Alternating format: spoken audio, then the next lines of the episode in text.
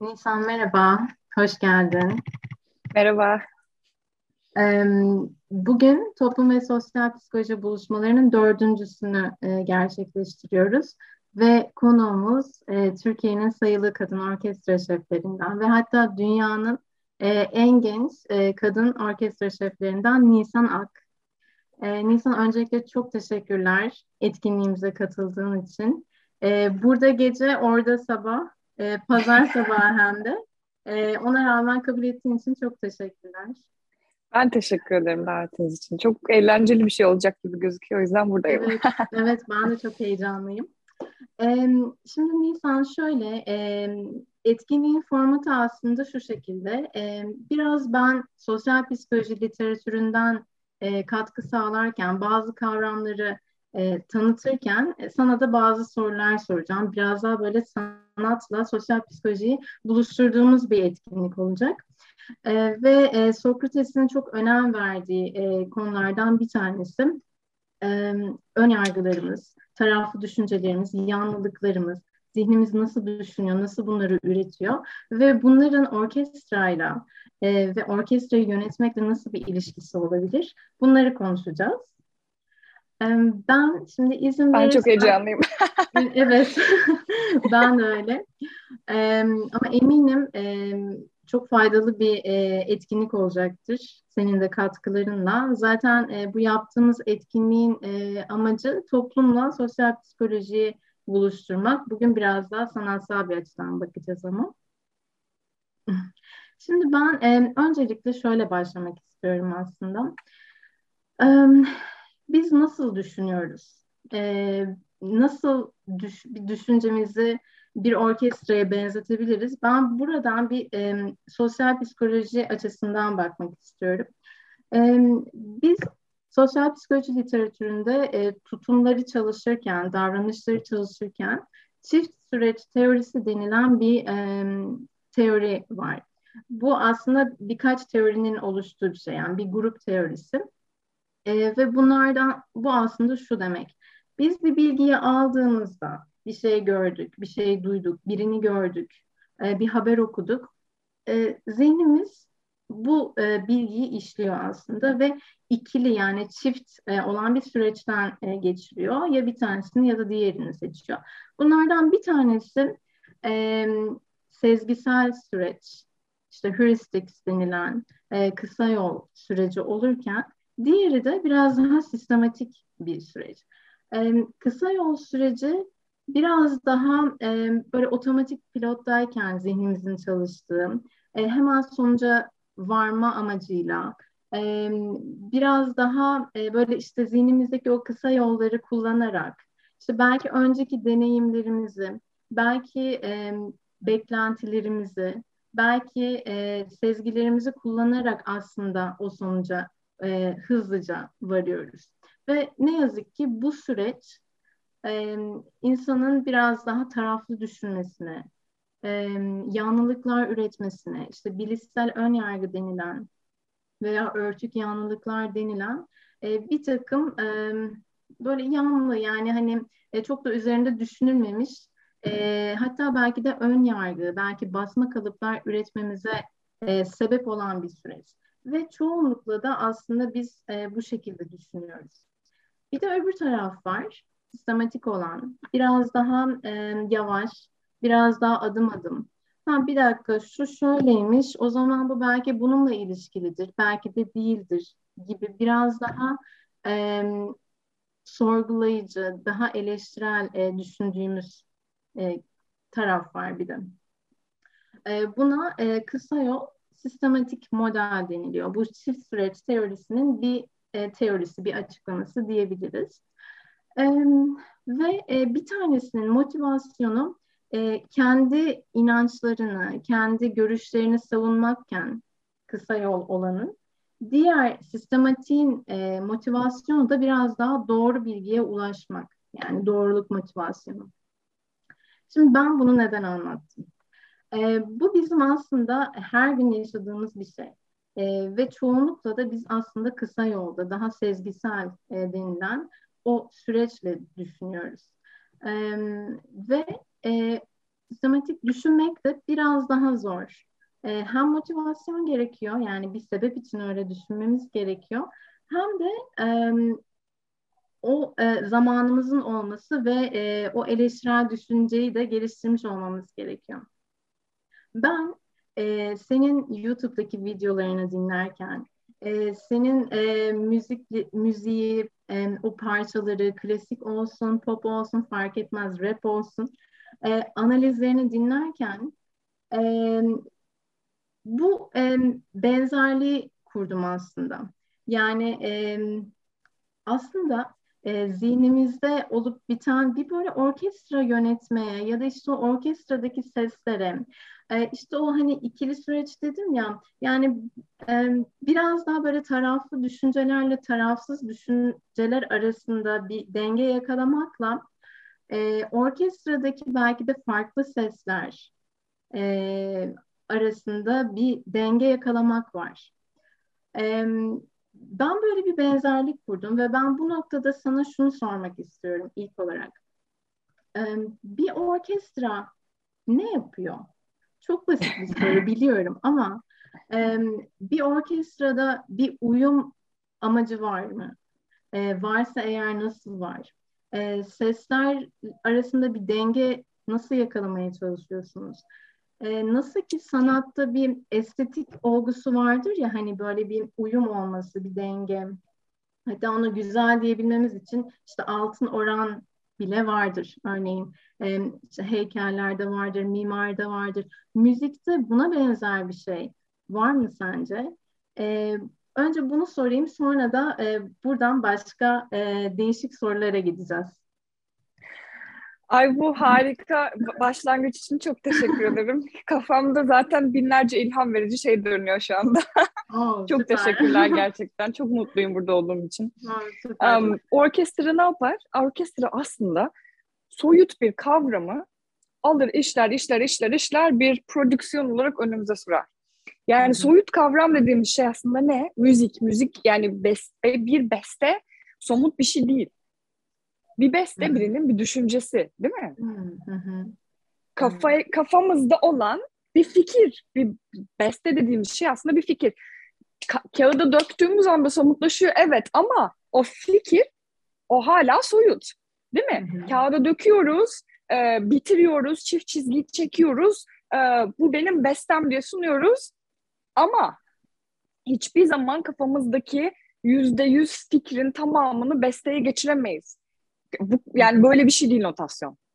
Um, ondan sonra o besteden partisyonlar çıkarılıyor. İşte kopistler işte onların partisyonlarını yazıyor bilmem ne falan orkestra haline getiriyoruz.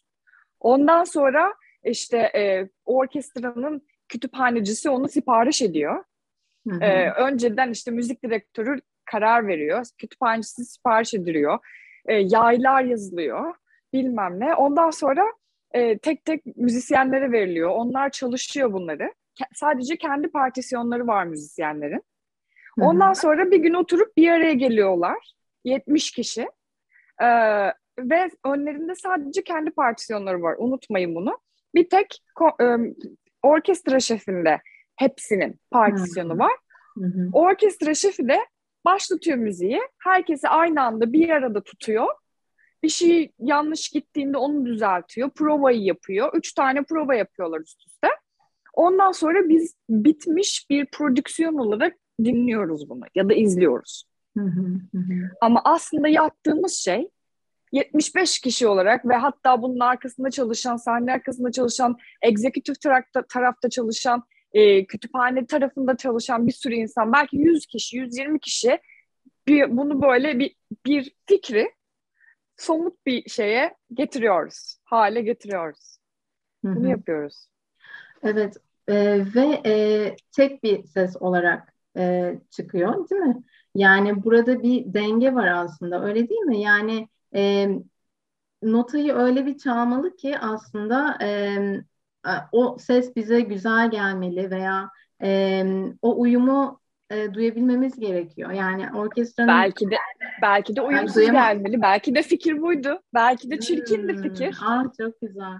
Fikir neyse ona gidi ona göre gidiyoruz. Fikir dediyse burada güzel bir müzik yap, uyumlu bir müzik yap. Onu yapıyoruz. Fikir dediyse şu anda ben e, dinleyicinin e, gergin hissetmesini istiyorum. O yüzden uyumsuz bir müzik yap. E, şu anda e, yüksek sesli bir müzik yap. Şu anda kakofoni yap. Onu diyorsa fikir onu yapıyoruz. Ne istiyorsa o. Hmm. Peki o zaman e, bir estetik olgusundan bahsetmek mümkün mü sence? Ya da böyle e, nasıl bir mesela... Yani de, estetik olgusu dediğimiz şey romantik bir estetik olgusu düşünüyorsak farklı. Modern bir şey düşünüyorsak, postmodern düşünüyorsak farklı. Evet. Peki e, Nisan şunu da merak ediyorum. E, sanatta estetik mesafe denilen bir şey var.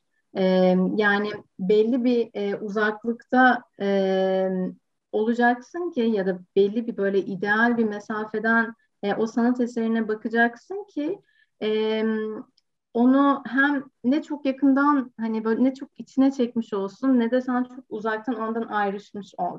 Yani orada böyle belli bir ideal mesafe var. Yani sanatta e, konuşulan o estetik mesafe belki de o sanat eserinin tam e, hazzını alabilmemiz için e, ya da belki de tam e, iyi kavrayabilmemiz için ama aynı zamanda da onun bir sanat eseri olduğunu unutmayarak. E, sen bir orkestra şefi olarak e, böyle estetik bir mesafeden bakman ya da senin e, orkestrayla arandaki o ideal mesafe nasıl olmalı? Yani bunu biraz daha e, soyut e, anlamda soruyorum. Genellikle bu iki kavramı e, iki dilden anlatmaya çalıştıklarında hep empresyonistlere e, yöneliyor e, müzisyenler. İşte hadi empresyonistleri böyle çok yakından baktığımız zaman anlaşılmıyor ama uzaktan baktığımız zaman böyle bir daha bir e, anlaşılıyor falan filan ya. Müzikte de işte bazı empresyonist müzisyenler için öyle deniyor. Hani böyle her şey böyle bir flu tınlıyor ama Hı-hı. hani büyük şeyi görünce e, fotoğrafı, büyük resmi görmeye çalıştığımız zaman e, bir anlam taşıyor. E, bu müzikte de böyle daha da somutlaştırmaya çalışırsak eğer, hı hı. yani tabii ki her konser salonunda en iyi dinleyebileceğimiz bir nokta var, değil mi? Çok yakınlaştığımız hı zaman her şeyi duyamıyoruz. Bazen sadece yaylıları duyabiliyoruz. Çok yok uzan, uzaklaştığımız zaman konser salonuna göre e, belki atıyorum en fazla işte şey e, perküsyonlar duyuyor. Bilmiyorum, bilmiyorum. Değişir. Hı hı. Um, bu bu bir alanı sadece. Yani gerçekten o müzik her neyse onu duyabilmek. Ama başka bir şey de var yani hani e, müziği dinleyebilmek zaten bir disiplin gerektiriyor değil mi? Ben o yüzden işte herkes için klasik müziği biraz biraz başlamaya çalışmıştım. Çünkü müzik sadece başlayıp biten bir şey değil. İçerisinde formları var, içerisinde armonisi var, içerisinde analiz edebileceğimiz ritimleri var, melodileri var bunları dinleyebildiğimiz zaman aslında e, büyük resmi daha iyi görebiliyoruz. Çünkü biz eğer formu atıyorum bu bir klasik dönem eseriyse klasik dönemde çok formları çok dikkat edilen e, bir dönemde hmm, formunu dinleyemediğimiz zaman gerçekten duyabiliyor muyuz aslında bu fikri? Değil mi? A temasını istemiş, B temasını istemiş, sonra onu geliştirmiş, sonra A ve B teması geri gelmiş mesela. E, bu birinci bölümde. Biz bunu gerçekten duyamadığımız zaman o bestecinin vermeye çalıştığı fikri gerçekten anlayabiliyor muyuz? Bir de böyle bir şey var. Hani e, bence yakınlık ve uzaklık meselesi soyut yani müziğe geldiği zaman biraz daha soyutlaşıyor. Resim müziğe göre çok daha somut bir sanat. Ne kadar soyutlaşsa da sonuçta daha somut bir sanat. Müzik biz fikri alıp birilerinin fikirleriyle yorumlayıp başka birinin kafasına fikir olarak aşılamaya çalışıyoruz yani. Arada somut araçlar var. İşte notaya dökülmüş beste vesaire gibi. Ama aslında bir fikir başkasının kafasına başkalarının kafasından da geçiyor yani olay bu. Ve sen bir e, orkestra şefi olarak aslında o e, uzaklıktan bak yani hepsini görebilecek e, işte o hani form dedin işte e, e, bu, armoni dedin bunların hepsine hakim olarak aslında bir görevin var. Öyle değil mi? Yani biraz ya, daha kendini uzaklaştırarak aslında o e, bütünü görebiliyorsun. Ya, uzaklaşma, ya da yakınlaştırarak. Ya da yakınlaştırarak. Aynen öyle. Evet yani o ideal mesafeyi bularak e, orada belki de bir sanatsal bir eser e, çıkartmaya çalışıyorsunuz. Yani ben orkestra şefliği ne şey olarak görüyorum. Takımın bir parçası. Herkesin um, bir um, görevi var. Um, ama orkestra şefliğinde böyle gidip işini yapıp geri gitmek biraz zor. Yani çok fazla um, detay var. Sorumluluk olduğu. Yani bir orkestracı bazen sadece bunu gelip çalıp gidip yani Hı-hı. hiç konu hiçbir şey hakkında düşünmeyip gidebiliyor. Aa, benim sorumluluklarım sebebiyle onları düşünmeme hakkım yok. Um, o yüzden yani daha hani de, şeyin başında demiştim ya yayının başında. Ha, um, bir taraf e, şeyi e, daha sorgulayıcı bir seçim yapabiliyor. E, ya, ya da bir şeyi düşünürken daha sorgulayıcı olabiliyoruz ya da daha um, direkt e, kafa, şey sezgisel olabiliyoruz. Evet um, sezgisel olma hakkım yok. Her şeyi so- sorgulayıcı olmak zorunda. Her bir yanım sorgulayıcı olmak zorunda. E, şeflik pozisyonunda olduğum zaman. Hı hı. Evet ve e, o şekilde bir sanatsal eser çıkıyor diyorsun. E, ben bunu e, şuna çok benzetiyorum. Yani biz aslında e, bu sürece, bu e, sistematik ve işte sezgisel veya kısa yol sürecine aslında biz belli bir uzaklıktan bakabiliyor olsak, yani senin yaptığın gibi ya da belki de daha yakınlaşıp da baksak, yani o mesafeyi biz aslında kendimiz kursak, e, şu anda benim aklıma gelen düşünce acaba öyle mi, böyle mi? Acaba ben şu anda bir e, böyle kısa yolda mı düşündüm? E, acaba hemen sonuca ulaşmak için hızlıca mı düşündüm? Yoksa bir de benim öbür tarafım var. E, o tarafı da görerek düşündüm mü? O sesi de duyarak düşündüm mü? Aslında e, bu noktada e, biraz insan e, sosyal psikolojide buna merkezden çıkma deniliyor. Yani kendine sanki böyle bir kuş bakışı e, bakar mısın gibi.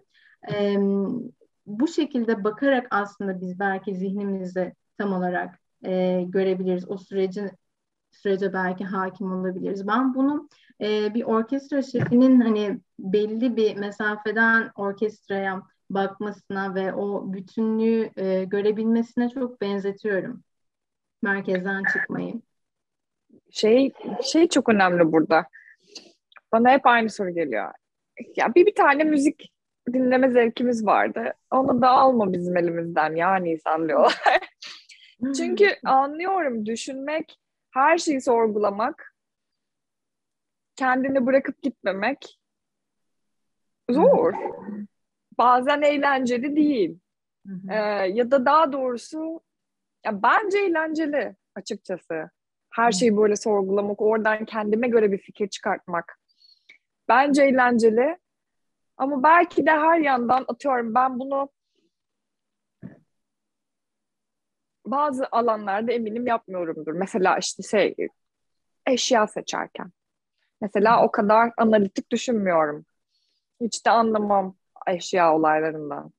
Ee, ama biri gelip bana böyle atıyorum işte Hoffman mıydı ne e, hani şeylerde böyle daha böyle e, eş, eşyaların ve estetiğin falan şeyini anlatsa herhalde ondan da hoşlanırım yani bir, bir yandan da bilmiyorum ki kritik düşünmek eğlenceli gel- geliyor bazı insanlara. Kesinlikle evet. Aynen öyle. Ama acaba neden diğerlerine o kadar eğlenceli gelmiyor? Ay, evet çok güzel bir e, noktaya değindin. Zaten e, mesela bunun sosyal psikolojide e, böyle bir teorinin yer almasının bir sebebi de aslında insanların davranışlarını anlayabilmek toplum içinde.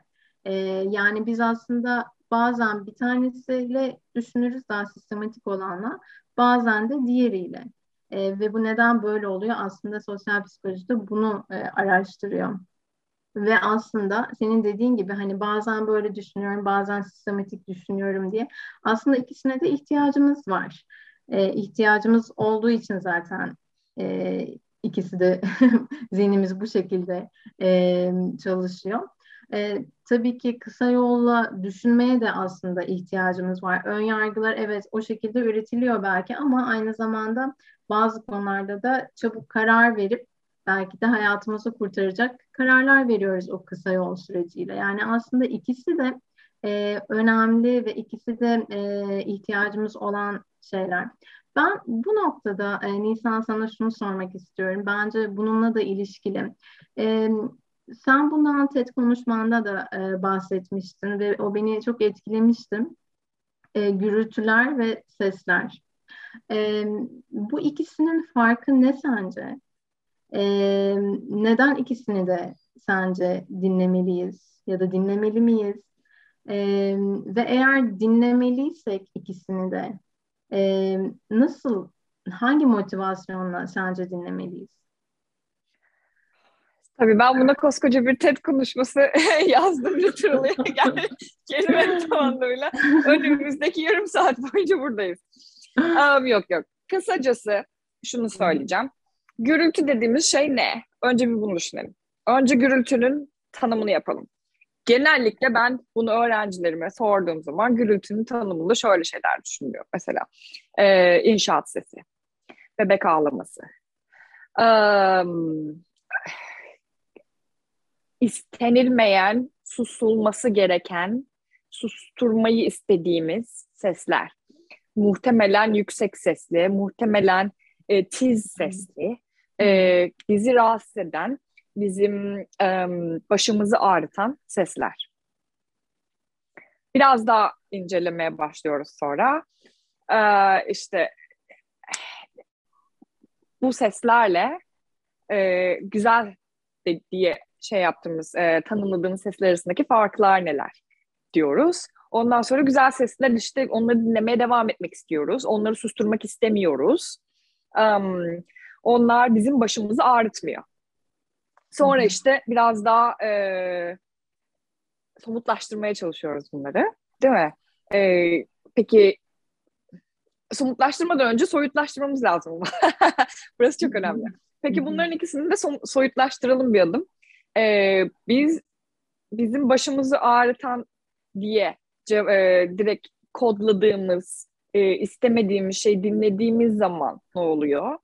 Ya da neden direkt e, bunları kötü, e, negatif anlamlar taşıyoruz? E, iyi sese neden iyi ses diyoruz? Aslında dinliyor muyuz onu? Aslında onun bize verdiği mesajı anlayabiliyor muyuz? İkisi de belki de bir mesaj veriyordur bize değil mi? Bir tanesi böyle daha bir alarmlı bir mesaj veriyor. Bir tanesi daha uyutucu bir mesaj veriyor. Daha bir sakin bir mesaj veriyor. Yani e, yani bir tanesi bizi rahatsız ediyor. Hı hı. Ama rahatsız edilmek belki de negatif bir şey değil. Değil mi? Belki de rahatsız edilmesinin sebebi e, bir insanın e, onu uyarmak. Uyutucu, uyutum, uyul, uyutulmak da bazen iyi bir şey değil. Belki de böyle senin başını seviyor. Sen uyu sen hiç merak etme oralar iyi falan diyor böyle ama orada bir şeyler çeviriyor. E peki bunu biraz daha politik bir yana sokalım. Ee, mesela protestolarda işte bilmem neye karşı ses çıkar bilmem neye karşı gürül yani özellikle İngilizce'de make some noise, gürültü çıkar dediğimiz zaman aslında bu bir tesadüf değil. Ee, biz bir sokakta e, bir şeye karşı olduğumuz zaman otoriteye göre bir gürültüyüz. Otoriteye göre e, susturulması gereken e, bizi rahatsız eden, e, bastırılması gereken bir sesiz aslında gürültü de ses, um, müzik de ses. Ama ikisi arasındaki farkı ayıran şey otorite. Değil mi? Diyor ki bir tanesine sen gürültüsün. Öbürüne diyor ki sen sessin ben seni dinlemek istiyorum. Sen gürültüsün ben seni dinlemek istemiyorum. Yani aslında biz hayatımızda çok çok çok zaman gürültünün ta kendisi olduk. Oysa ki bir sürü sesi de bu gürültü diye de dinlemiyoruz. Hı hı. Aslında hayatta birçok anda otorite biziz. Ve diyoruz ki ya bu gürültü ben bunu dinlemek istemiyorum, ben buna bir şans vermek istemiyorum. Bu bir insan olabilir, bu bir ses olabilir, bu bir fikir olabilir, bu bir konsept olabilir.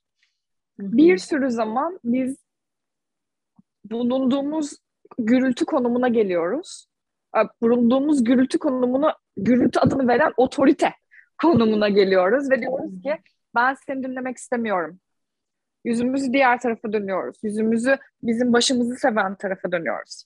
Belki de belki de gürültüyü dinlemenin tam da zamanıdır bu 2021 postmodern zamanlar. Değil mi? Belki de biraz açıp John Cage dinlemeliyiz. Belki de biraz açıp atıyorum Merzbow dinlemeliyiz. Bu gürültü bize ne hissettiriyor? Onu biraz araştırmalıyız. Çünkü biz bu zamana kadar hep bize iyi gelen ya da en kötüsü, en e, şeyi e, gergini bize birazcık böyle gerginlik veren müzikleri dinledik. Bizim gerçekten susturmak istediğimiz müzikleri hiç dinlemedik. Dinlediğimiz zaman ne oluyor? Acaba şöyle bir açıp 15 dakika boyunca gürültü dinlediğimiz zaman, bestelenmiş gürültü dinlediğimiz zaman ne hissediyoruz? Belki de orada dinlenilmesi gereken bir şey vardır. Belki de belki de bize yeni bir deneyim kazandıracak bunu dinleyebilmek. O yüzden çok güzel bir nokta bence bu. Ee, ben burada hani otoriteden e, otoriteyi kendim mesela olarak görüyorum. Hani sen hep bunu anlatırken öyle hayal ettim. Yani otorite benim ve zihnimde böyle düşünceler var. Ee, işte bir tanesi e, gürültü veya ses. Ee, ses, bir tanesi... e, yayın bir gitti geldi ben geri geldim. Ha, ben... Ha, öyle mi? Duyuyorum şimdi. Okay, duyuyorum. Tamam. Ben e, sen hani otoriteden bahsederken hani kendime e, böyle hayal ettim ya da bir insan düşünceleri de işte gürültü veya ses gibi e, düşündüm sen anlatırken ve bunu o hani başta e, sohbetin başında e, anlattığım o çift süreç teorisi var ya ona çok benzetiyorum ben. Çünkü bir tanesinde e, mesela sistematik süreç aslında bizim e, o hani daha eleştirel, daha sorgulayıcı olan var ya o aslında bizim e, o ön yargılı düşüncelerimizi kendimizi belki de güvende hissettiğimiz e, çok böyle düşüncelerimizi değiştirmek e, istemediğimiz bir motivasyonla aslında biz e, o sezgisel süreci dinliyoruz. Yani aynı senin bahsettiğin gibi e, hani sistematiği hemen kapatıp hayır hayır o benim zaten düşünceme ters. E, o yüzden ben o şekilde düşünmemeliyim motivasyonuyla aslında o bahsettiğin e, gürültüyü e, bastırıp daha böyle hani hep alışık olduğumuz veya işte daha e, bizi zorlamayan sesleri duymayı seviyoruz aslında. Yani ben bunu o e, şeye çok benzetiyorum. İşte bilişsel ön yargılarımız yani farkında olmadan oluşturduğumuz e, ön yargılarımızın e, bizim tutumlarımızı, davranışlarımızı e, etkilemesine e, çok benzetiyorum. Ve burada da e, hani diyorsun ya yani her ikisini de aslında farkına varıp dinlemek gerekiyor diyorsun. E, orada bir böyle irade gerekiyor diye düşünüyorum ben. E, bu konuda senin fikrini almak istiyorum. E, iradeyle ilgili de ben e, mesela sosyal psikoloji literatüründe e, şöyle bir kavram var. Kendi kendini yönetebilme fonksiyonu diye. Ee, bu beynin ön lobu ile ilgili olan işte e, iradenin, e, otokontrolün, e, o regülasyonun e, yapıldığı kısım. E, bu zaten bizim beynimizde olan bir e, alan ve zaten biz e, aslında bir şeylerin farkına varsak ve e, motive olsak aslında e, o kısmı çalıştırıp e, daha e, iradeli düşünebiliriz diye düşünüyorum. Ama bence Burada motivasyon belki de önemli. Mesela sence bu her iki sesi de dinleyebilmek için motivasyon ne olmalı? Nasıl bir motivasyon olmalı? İrade orada çok önemli bir şey. Ee, burada iki şey var. Bir tanesi mesela orkestra şeflerine en çok söylenen şeyler e, öğrencilere. Sen okey orkestra yönetmek istiyorsun süper. Kendi kendini yönetebiliyor musun önce? Kendi düşüncelerini yönetebiliyor musun? Kendi duygularını yönetebiliyor musun? Birini yönetmek istiyorsan önce kendini yönetebilmen lazım. Hani bunun da bir felsefesi var. Um, ve o iş iradeden geçiyor. İrade denilen şey üzerine çalışılan bir şey. İrade böyle bir gün uyanıp irademiz olmayacak. Değil mi? Bugün bu kadar irademiz varsa yarın onu şu kadarı çıkarmak için biraz çaba harcayacağız. Atıyorum işte burada irade mesela şeyse e, sabah uyanma, uyanmak. Sabah 6'da uyanmak istiyorum. Ama her gün 7.30'da uyanıyorum, 6'da uyanamıyorum. Tamam 7.28'de uyanmaya başlayacaksın. 7.25, 7.20 vesaire. İradeni biraz biraz geliştireceksin.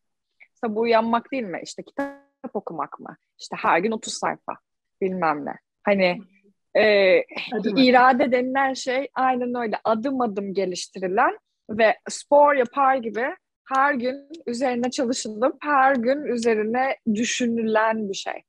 Burada çok güzel bir noktaya değindim. Motivasyon. Şimdi ben irademi neden geliştirmek isteyeyim motivasyonu? Benim için şöyle oluyor genellikle. Benim için her zaman bir gelecek Nisan var. Hı hı. Ben hiçbir zaman olmak istediğim yerde değilim. 5 dakika sonra olmak istediğim gelecek Nisan bile 5 dakika ol- sonra olmak istediğim yer yani. Um, ve onu hayal etmek bana motivasyon veriyor. Yani ke- kendimi bir yerde hayal etmek bana en azından motivasyon veriyor. Ulaşılabilecek bir yermiş gibi gözüküyor en azından. Çünkü atıyorum ım, ulaşılamayacak şeyleri hayal ettiğim zaman şey yapamıyorum. Kafamda oturtamıyorum yani. Ne, ne zaman olacak bu? Bir sene mi, beş sene mi, yirmi beş sene mi ne zaman? Onu ben şey yapamıyorum. Ama ulaşılabilecek hayaller kurduğum zaman e, üzerine şu an çalışma yap, yap, yapmaya başlayabiliyorum. Üzerine yani şu anda bu telefonu kapattığım zaman e, bir belki bir dosya hazırlayabiliyorum. Belki bir çizelge, bir şey hazırlayabiliyorum. Ve hayalime beş dakika daha yakın olabiliyorum. Hı hı. Yani, Bunlar beni çok heyecanlandırıyor. Hı hı. Önce hayal etmek değil mi? Yani bence e, en başta bu var öyle değil mi? Yani önce e, ben nasıl bir işte kendimle ilgili ne hayali kuruyorum? Onu belki şöyle kafamızda canlandırıp ondan sonra o dediğin işte adım adım e, hani belki iradeyi geliştirerek e, o hedefe ulaşmak bahsettiğin gibi. Ya insanların bence biraz kendileriyle ilgili planları olması lazım. Benim e,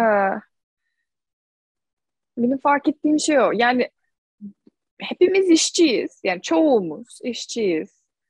Um, ve böyle birilerinin planları gerçekleşsin diye sabah uyanıp günde 8 saat çalışıyoruz. Ee, hatta bir de üstüne yani o uyumayı, şeye gitmeyi, e, işe gidip gelmeyi bilmem ne şey yaptığımız zaman aslında günün en iyi 8 saatini onlara veriyoruz. Ondan sonra kalan zamanlar e, en iyi zamanlarımız, en e, parlak düşünebildiğimiz zamanlarımız değil. Yani hmm. aslında çok iyi bir e, be- beynimizin çok iyi bir tarafını başkalarının hayalleri gerçekleşsin diye ayırıyoruz her gün. Bir, biraz da bizim kendimiz için hayallerimiz olması lazım. Hı hı. Yani hı hı. o kadar. Peki Nisan e, sen e, seslerden hani o gürültüyü ya da o istenmeyen şeyi nasıl dinlemeye başladın ilk olarak? Yani senin oradaki e, iraden neydi? Valla benimki de eğitimdi. Ben üniversitede, Bilgi Üniversitesi'nde birinci sınıftayken böyle müzik felsefesi tadında bir e, ders aldım.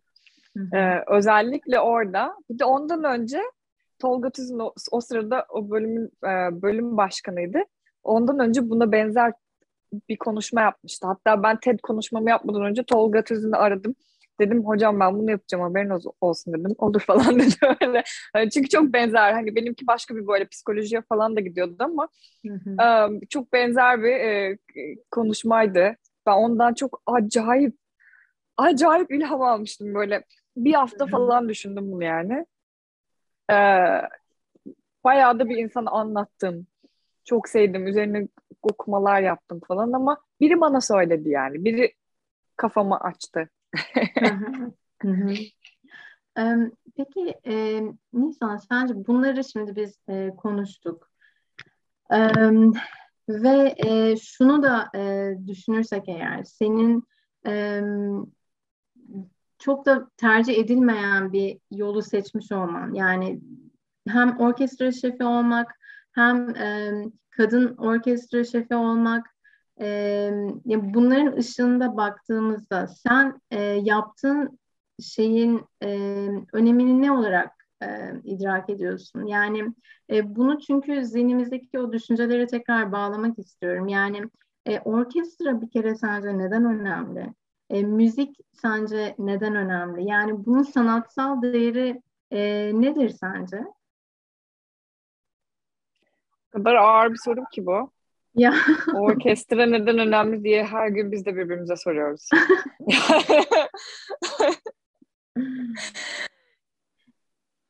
Şöyle düşünün. Aslında çok çok çok çok çok çok değerli bir şey. Ve o kadar değeri e, karşılayamadığı için değersizleşiyor aslında.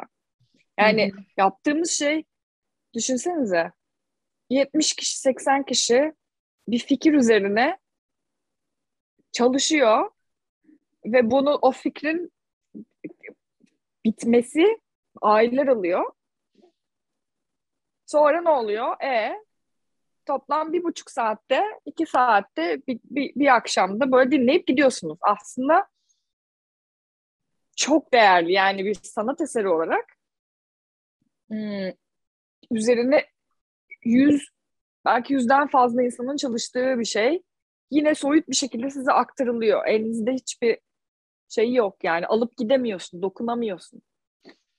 Um, sadece dinleyebiliyorsun. Ama aslında dinlediğin şey de birinin fikri. Yani aslında çok değerli. Ama bu değer karşılanamadığı için ve, veya yalnızca um, çok yüksek bir zümre tarafından belki karşılanabilir olduğu için değer düşüyor, düşüyor, düşüyor, düşüyor. Çünkü biz müzisyen olmak istiyoruz. Biz bunu yapmak istiyoruz yaşam olarak. Ama bizim yaptığımız şeyin değeri e, herkes tarafından karşılanamayacak bir değerde.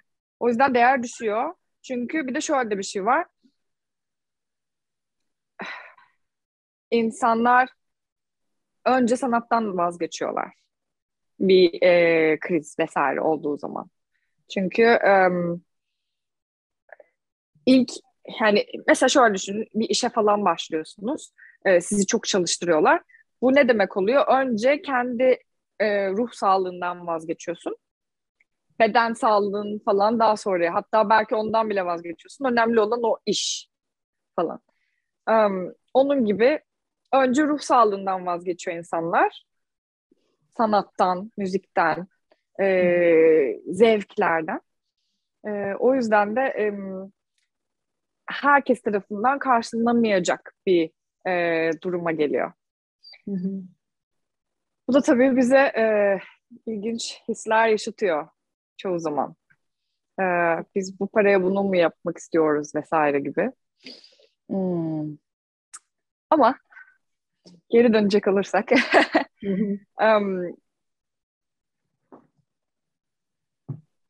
bir orkestra um, bu, bu, bu bir fikri e, size aktardığı zaman onun değeri e, e, aslında çıkan prodüksiyonda değil mi? Parada Hı-hı. değil, başka bir şey değil. Aslında çıkan prodüksiyonda. Hı-hı. Evet, yani aslında e, sanatın sanatsal bir değer e, taşıması e, biraz belki insanı düşündürüyor olması, belki o andan alıp başka bir tarafa götürüyor olması, bulunduğun yere belki başka bir açıdan bakıyor olmak, belki bir şekilde bilmiyorum topluma fayda sağlaması gerekiyor mu, gerekmiyor mu? yani o sanatsal değer sence ne müzikte? Yani ne yapıyor olması gerekiyor ki ona sanat e, diye bir, diyebilelim. His, hissettirebiliyor olması. Bir şey, herhangi bir şey hissediyorsan it. Yani zaten e, hissetmiyoruz ki çoğu zaman yani şu dünyada problemimiz o değil mi? Hı hı. Hiçbir şey hissetmiyoruz. Hiçbir şey, ya bir şey hissedemiyoruz bile. Hı hı. Ve bu anlattıklarında aynı şekilde mesela gürültüyü ve sesi dinlemek de öyle. Aslında birazcık anda kalıp e, düşünmek değil mi? Veya hissetmek değil mi aslında? Yani Aynen o öyle. Aslında bu bir deneyim düşünsenize yani um, bir konser salonuna gidiyorsunuz. Yaklaşık 600-800 kişiyle beraber. Size ayrılmış bir koltuk var. Ve önünüzdeki iki saat boyunca o koltukta şey yapmadan, oynamadan, e, ses çıkarmadan bir şey izliyorsunuz. Meditasyon e, alanı aslında. Hı hı. 800 kişi to- hep beraber toplanıp meditasyon yapıyorsunuz. Bir el ele tutuşmadığınız kalmış yani. Hani aslında bu. Ve çok da lüks bir meditasyon düşün, düşündüğünüz zaman. Önünüzde 75 kişi kendi enstrümanından bir ses çıkarıyor. Yani stereo şey de değil. E, iki tane e, speaker da yok aslında. Hmm. Yani 75 ayrı hoparlör var. E, o hoparlörlerin bir arada duyulmasını sağlanmış bir alan var. Konser salonu. Siz de gidip oradan bir tane şey almışsınız, koltuk almışsınız. Diğer 600 kişiyle, 800 kişiyle, 1000 kişiyle belki 2000 kişiyle birlikte oturup müziği dinliyorsunuz. Yani bu oturabileceğiniz, sakin kalabileceğiniz, susabileceğiniz ve e, kurasyonu yapılmış sesleri dinleyebileceğiniz alan yok artık. Yok. Ve bunun bu kadar ucuz olması bana çok acayip geliyor aslında yani. Evet, çok kıymetli bir şey çünkü aslında yapılan şey. Ee, ben e, bunu Nisan, e, bu arada eğer e, izleyicilerimizden soru varsa e, YouTube'da chat bölümüne yazabilirler. Ben bu söylediğin şeyi aslında şeye çok benzetiyorum. Yani şöyle oturup zihnimize ya da düşüncemize şöyle bir uzaktan bakıp o anda kalabilmek. Yani aslında onu fark edebilmek. Bu farkındalığı kazanmak. Ben bunu çok benzetiyorum. Yani o yüzden düşüncelerimiz aslında sanki bir sanat eseriymiş gibi eğer onu algılarsak en azından e, biri hakkında e, negatif bir değerlendirmede bulunurken veya e, bir ülke hakkında olur, kendi işimizle ilgili olur, kendimizle ilgili olur. E, bu tip değerlendirmelerde, yargılamalarda, yorumlarda aslında şöyle bir durup sizin yaptığınız gibi ya da bize hissettirdiğiniz gibi o anda kalıp e, farkındalık sağlasak, belki sizin hissettiğiniz hissin farkına varmak gibi. E, aslında o zaman işte e, bu bahsettiğim e, farkında olmadan oluşturduğumuz ön yargıları belki o zaman fark edebiliriz ya da taraflı düşünceleri fark edebiliriz. Ve diğer o sistematik tarafı e, zihnimizin nasıl işlediğini belki bu şekilde fark edebiliriz diye düşünüyorum. Aynen öyle. Yani çok güzel bir cümle aslında düşüncelere sanat eseri olarak bakabilme fikri. Bazen biz düşüncelerimizden nefret ediyoruz. Bazen kendimizden nefret ediyoruz düşüncelerimiz sayesinde. Hı hı. Ee, oysa ki düşüncelerimizi böyle bir resimmiş gibi duvara yansıtabilsek, oradaki hı hı. karanlıkları görsek, o karanlıkların içine bakabilsek, hı hı. E, belki belki e, mavi, karanlık bir mavi, onları görebilsek o karanlığın içerisinde, yani siyahın da e, gölgelerini görebilsek çeşitli. Ondan sonra e, diğer renkleri görsek, orada belki şakalar vardır küçük, onları yakalayabilsek, onları sevinsek. Yani bir sanat eseri olarak düşüncelerimizi görebilsek belki de kendimizi daha çok sevebiliriz. Hı hı, kesinlikle ve daha çok tanıyabiliriz. Aynen öyle. Evet. Ama çok güzel e, şeylere değindik. Yani sen... Ben, çok, ben çok mutluyum şu an. Yok gerçekten e, çok güzel şeyler söyledin Nisan. E, çok çok teşekkür ediyorum. E, ben teşekkür ederim. E, umarım böyle hani e, küçük de olsa hani bir ışık e, yaka umarım bilmişizdir belki bilmiyorum. E, umarım. Ama e, bakış açını e, anlamış olmak hani beni çok e, iyi hissettiriyor. E, çünkü çok böyle konuşulmayan hani değişik şeyler bunlar. E, o yüzden tekrardan çok teşekkür ediyorum katıldığınız Ben teşekkür ederim Şenay. Çok da çok te çok teşekkürler davet ettiğin için. Süper. Peki o zaman e, sana başarılar diliyorum. E, Amerika'dasın şu anda. E, çok güzel şeyler de yaptığını duyuyorum. E, umarım böyle herkese e, ulaşabileceğin e, böyle çok e, güzel bir kariyerin olur. Teşekkürler. Çok teşekkürler. E, bir tane de bir yorumumuz var. Ufkum açıldı. Çok teşekkürler diye.